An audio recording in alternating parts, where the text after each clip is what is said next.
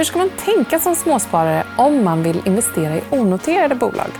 Det och sen så har vi med oss vd från Ratos. De har faktiskt eh, helt ett fokus på just onoterat. I dagens EFN Marknad. Och med mig i studion har jag två experter på det här området. Nämligen Jonas Wiström, vd för Ratos. Välkommen hit. Tack så mycket. Och Helena Sulliman, du är eh, och driver ett entreprenörs... Eller som entreprenör så driver du ett affärsängelnätverk i Malmö. Just Nomnade. Ja. Välkommen hit. Tack så mycket. Kul att vara här. Det här med att investera i onoterat är klurigt. Eh, men hur, eh, hur tänkte ni runt att starta och erbjuda den här möjligheten? Jo, men det är en liten spännande resa. Eh, vi har grundat och börsnoterat ett bolag eh, och stöter på extremt mycket problem längs med den vägen. Både i att resa kapital, få ut produkten på marknaden eh, och mycket andra faktorer också. Så att vi vill ge tillbaka lite grann av det till entreprenörer idag och vara med och bygga den resan tillsammans med entreprenörerna och ge dem en bra plattform. Och det gör vi genom att vi tittar på olika cases tillsammans med vårt team. Och därefter så mm, erbjuder vi vårt nätverk helt enkelt att ta rygg på oss eh, och göra samma investering till samma värdering och, som vi har förhandlat till. Ni pratar om att demokratisera eh, investeringar. Eh. Hur tänker ni? Ja, men för oss är det väldigt viktigt att fler ska få möjligheten att investera i onoterade bolag. Och vi upplever att många har inte den möjligheten idag. De har inte tillgång till nätverken, de har inte tillgång till rätt kapital för att nå de nätverken. Eh, och då blir det lite grann där vi kommer in helt enkelt och kan hjälpa till. Mm. I, ett, I ett tidigt mm. skede? Och när ungefär skulle ni säga att ni... Alltså, vi går in alltifrån bildandet av ett bolag eh, på idéstatus till en, där de ligger på en värdering under 20 miljoner. Mm. Så väldigt tidigt. Mm, så det är en hög risk egentligen. Eh, men också en stor uppsida om det, om det skulle utvecklas väl. Ja, men precis. Själva affären, då? Hur, eh, hur ser den ut? tänker du när vi... Från er sida? Ja. Alltså, vi, träffar ju, vi har säkert tittat på 450-500 bolag idag. Eh, och vi tittar ju gärna på de bolagen som har en tio gånger X-faktor för att liksom, komma ur sin investering på sikt.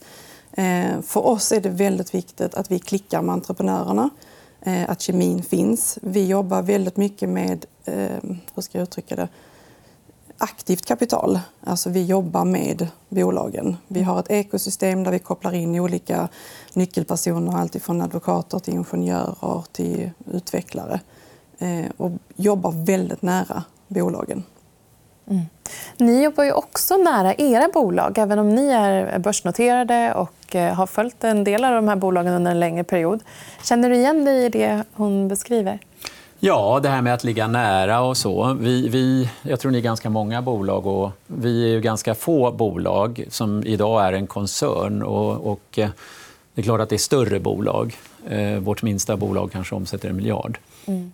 Och vad skulle du säga om liksom, när, är bolagen, när blir de intressanta för er att plocka in i er portfölj? Ja, vi, vi ser det inte längre som en portfölj. Eh, vi, vi ser det här som en väldigt starkt decentraliserad koncern. och Det är liksom en dröm jag har haft. Eh, jag har varit vd i tre börsbolag och tror att det här är det perfekta konceptet att vi har en koncern där man kan dra nytta av varandra i form av synergier som bolagen själva bestämmer om men samtidigt ha möjlighet att rekrytera de allra bästa med incitament som man har i private equity. Eh, Ratos var ju ett private equity-bolag när jag tillträdde som ordförande där. Eh, men eh, jag och vi menade att vägen framåt för att skapa mesta möjliga aktieägarvärde det är att skapa den här starkt decentraliserade koncernen där vi vill äga bolagen egentligen för evigt eller så länge vi är den bästa ägaren till bolaget. Mm. Och jag ska återkomma lite till mm. det lite senare i programmet. Till exempel vilka synergier som är viktiga. Mm. Så den kan du mm. få hålla lite i. Ja, eh, men så vill jag tillbaka till dig ändå. Och, för att det här med att investera onoterat, det har ju...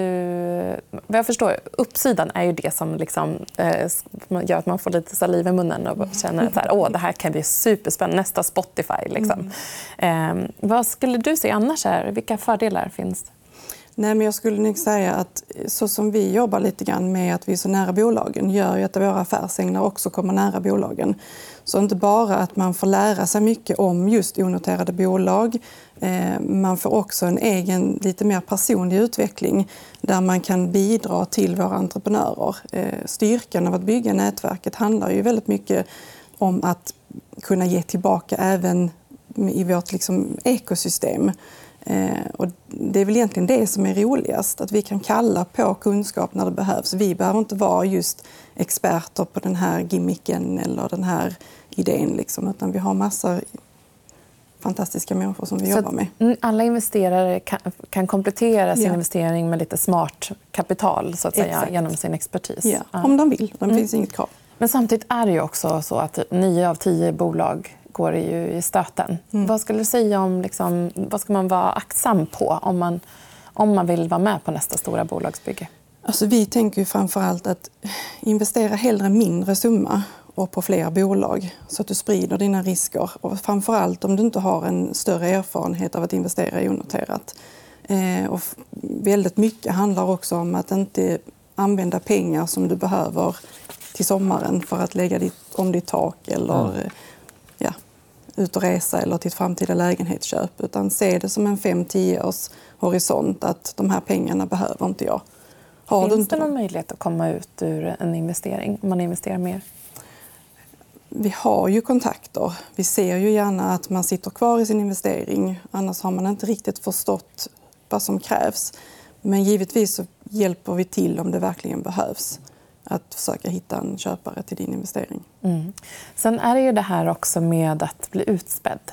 Om man investerar i ett tidigt skede eh, är det inte liksom lätt att man får väldigt lite kvar till slut. Hur tänker ni där?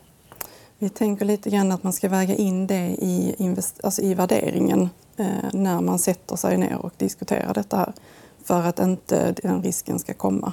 Mm. Har du investerat någonting i onoterat själv liksom, Nej, annars? det har jag inte. Nej. Jag är inte så mycket för risk. Nej. Det brukar vara så när man jobbar liksom med, större verksamheter Ja. från ett helikopterperspektiv. Men jag tycker man försöker det- managera risken. Eh, Jag har investerat, men jag tycker det, är en fin verksamhet och, och den behövs ju för att ge folk chansen som Precis. har bra idéer. Så att, eh, är absolut inte negativ till branschen, det är bara att jag inte vågar själv.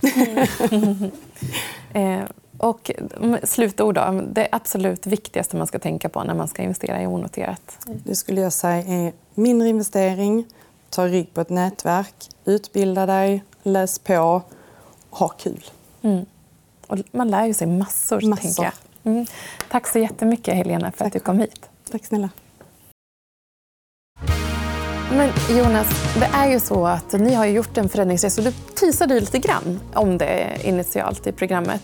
Ni har gått ifrån att vara ett investmentbolag till att bli mer rörelsedrivet, hitta synergier. Vad är det för typ av synergier som ni ser är allra bäst för de här bolagen? Ja, det är inte, ska jag väl bara säga, att börja slå ihop allting till en smet och plocka ut eh, liksom, OPEX. Eh, vi gillar att plocka ut OPEX, men vi tror också väldigt mycket på att kraften finns nära kunden, nära medarbetaren. Och vi eh, skapar också väldigt starka incitament för att få de allra bästa att börja jobba hos oss i ledningarna för bolagen. Och det har vi faktiskt stulit från vår private equity-period. Alltså att man kan satsa pengar själv i kapitalbaserade instrument. Går det bra för bolaget så går det bra för mig också. Synergierna kan vara... Vi har ett gemensamt utbildningsprogram för hela koncernen. Man tar eh, coming men and women. Man får utse två, tre stycken till en, ett skräddarsytt utbildningsprogram i affärsmannaskap och, och ledarskap. Och, och, eh, det går, pågår under ett år. Man träffas under fyra tillfällen. Eh, tre dagar i taget. Man jobbar med riktiga projekt under hela året. Då lär folk känna varandra och då uppstår det synergier som gör att Diab säljer överskott och restmaterial till HL Display på kommersiella grunder. Att man kan samordna sig i formsprutning. Eller som Nitec och Semcon här eh, som redan har förstärkt ett gemensamt kunderbjudande genom att ta resurser från det ena bolaget och det andra i ett projekt. Du pratade också om OPEX. Kan mm. du bara förklara det lätt? Eh? Ja, op operationella kostnader. OPEX det är alltså lönekostnader, hyreskostnader eh, till skillnad från eh, insatsmaterial som liksom man möter mot pris och talar bruttomarginal. Utan det, det minskar den här kostnaden som finns hela tiden. Mm. Mm, och det, det, har vi gjort mycket. Ja. Eh, var befinner ni nu i den här resan? Det är en jättebra fråga. för att Vi startade den här resan 2018. Och då var Ratos ett väldigt skuldsatt bolag med väldigt låga resultat. Eh, vi sa att 18, 19, 20 ska vi jobba upp resultaten. Vi ökade vår ebita faktiskt med 87% per år under de tre åren. Vi gick från en väldigt hög skuldsättning till en nettokassa. 2021 började vi förvärva bolag.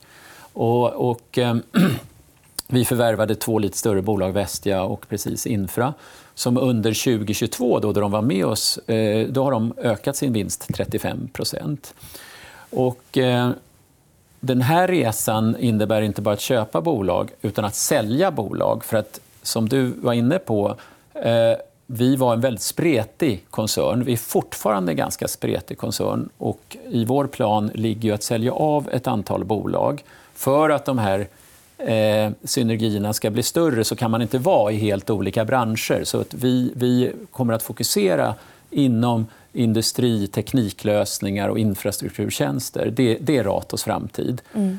Det som hände förra året det var ju att det utbröt ett krig i Europa och, och med all inflation och, och eh, stigande räntor och en ma marknad alltså förvärvsmarknaden, IPO-marknaden att börsnotera, den nästan försvann. Och sen kom bankkrisen här i, i februari eh, i, i Silicon Valley. Och det här har gjort att den här omställningen har bromsats upp lite grann. Eh, hade vi suttit här för ett år sedan då hade jag sagt liksom, om ett år då är vi den här homogena koncernen. Men, men vi kan inte förstöra kapital genom att gå ut på en marknad som liksom inte riktigt fungerar. Mm. Men, men målet är solklart. En, en, en, en mycket mera inriktad och fokuserad koncern än den vi har idag, men med samma viktiga principer. Mm. Eh, och det här är min övertygelse om att det kommer att skapa väldigt mycket eh, aktieägarvärde. Ja, men jag tänker att för att förtydliga också det som du nu har börjat prata om så lägger vi upp en bild på de tre affärsområdena. Ja. Eh, så att man ser den här. Jag, en av mina frågor till dig var faktiskt vad är målet? Men du sa målet är och så svarade du själv på den frågan. Ja. Det var som att du visste. Ja. Eh, så det var ju fantastiskt. Men ja. eh, ni har i alla fall gått mot att fokusera mer på infrastruktur och tekniklösningar. Ja, kan man säga. så är det. Mm. Så är det. Och vi, vi var väldigt tydliga med det i delårsrapporten. Och, och det är ingen... Eh, consumerbolag vd som liksom blir överraskad eh, när man ser det här. Utan det är vårt fokus fram, framåt. Mm. Vi har även eh, förberett en bild för att titta på hur det går för respektive mm -hmm. område. Ja. Som vi också kan titta på. Har du någon kommentar till, till Ja. De olika delarna. Ja, börja med bygg och tjänster. Jag tror bygg är någonting som har oroat marknaden på goda grunder. Vi har ju haft en väldigt stark utveckling i Q1 på, eh, och förra året också inom just byggtjänster. Och, och, och det beror på att vi bygger inte bostäder. Vi har en stor andel som är så kallad samverkansprojekt. Så att, eh, jag ger inte dig ett fast pris, utan jag ger dig transparens. och Sen så bestämmer vi tillsammans hur, hur det här ska gå. Eh, så den här eh, har ju eh, haft en fantastiskt fin utveckling. Just i det här kvartalet eh, så eh, påverkades resultatet lite negativt av två saker. Och det ena var Able, som är ett bolag som går fantastiskt bra och hade flera miljarder i orderingång bara i, i Q1. De har väldigt eh, försiktig vinstframtagning i början av sina 10 miljarders projekt. Och det kan man se historiskt också. Able tror jag kommer att göra sitt bästa år någonsin i år. Eh, och i Speed så gjorde man ett eh, omstruktureringsprogram för att effektivisera sig ytterligare som, som, som kostade lite pengar. Eh, så att eh, alla bolag utvecklas väl i det här området och har ju gjort det under förra året också som du ser. Mm. Utöver eh, logistikföretaget Speed som du nämnde som nu har gjort då, en investering som har mm. påverkat resultatet så har ni även Plantagen som många känner till som ja. också är lite förlust då, då, ja, bygg och tjänster är inte förlusttyngt. Det är mm. jättebra, eh, högre marginal till och med än förra året. Men, men eh, plantagen, då är vi inne i consumer. Och plantagen har verkligen eh, förlorat väldigt mycket pengar i det här kvartalet. Man förlorar alltid mycket pengar i första kvartalet, för det är vinter. Mm. Men i år var vintern sämre än någonsin i mars eh, som du kanske kommer ihåg. Mm. Ja, det var inga planteringar Men, på min balkong. Och, och, det var den stora mm. biten. Men sen finns det en liten bit till och det är att konsumenterna har fått mindre pengar rent generellt. Och det påverkar framför allt sällanköpsvaror, alltså grill, möbler, eh, dyrare krukor och så. Och den försäljningen har gått ner av mer strukturellt. Det andra är väderförhållanden. Men de här två tillsammans gjorde ju att, att resultaten eh, gick ner väldigt mycket som mm. påverkar hela över 250 miljoner eh, negativt. Och ändå ökar vi vinsten med 28 procent i Ratos-koncernen. Mm. Om vi då tittar på den sista, det sista affärsområdet, mm. industri. Mm. Ja, där, där går alla bolag också bättre än förra året inklusive de två som vi förvärvade som inte var med oss då förra året. Men om vi tittar på deras siffror då, Semcon och Nitec, så går de eh, bättre i år. Men det är en förvärvad tillväxt som har varit stor i de här eh, siffrorna också. Eh, men, men alla bolag går bra och efterfrågan är fortsatt god. Och, och, det hade inte jag trott för ett år sedan. Mm. Faktiskt. Det är samtidigt en bransch som är också lite under omskakning just nu. Jag tänker kanske primärt eh, på värderingarna så, på onoterade bolag. Mm. Eh, utöver de bokförda värdena, hur, hur marknadsvärderar man eh, de onoterade koncernbolagen? Eh, hur man, ja, hur man bestämmer ett värde på dem. Ja, hur... vi, gör ju, vi gör ju inte det mer än för revisorerna för att liksom försvara bokförda värden. Men eh, man får ju gå till eh, revisionsfirmor och, och, och, och, betala för det. Men det är ingenting eh, som vi jobbar med. utan Vi ska inte sälja de här bolagen, utan vi ska ju fortsätta utveckla dem. och De utvecklas väldigt väl. Och, eh, inte minst det här inom tjänster. ja, det är, ändå, det är inte bara ett buzzword, utan den här gröna omställningen nu är jag ingenjör själv, men de behövs, det behövs otroligt mycket energier, äh, ingenjörer för att, för att vi ska få det här hållbara äh, och lönsamma samhället. Och därför är Semcon och Nitec äh, investeringar som kommer att följas av fler. Mm. I den sista kvartalsrapporten så, mm. så sa du ju att efterfrågan är fortsatt god och mm. orderböckerna är rekordstarka. Tror du att mm. det håller i sig de här månaderna framåt? ja. Det är frågan. Nej, men jag, jag, trodde ju inte det. För om jag hade suttit här för ett år sedan så hade jag nog trott på en inbromsning. Eh, men vi ser inga tecken än. Eh, men att gissa vill jag inte göra. Eh, börsen verkar ju fortfarande ganska försiktig ändå. Särskilt mot Ratus. Mm.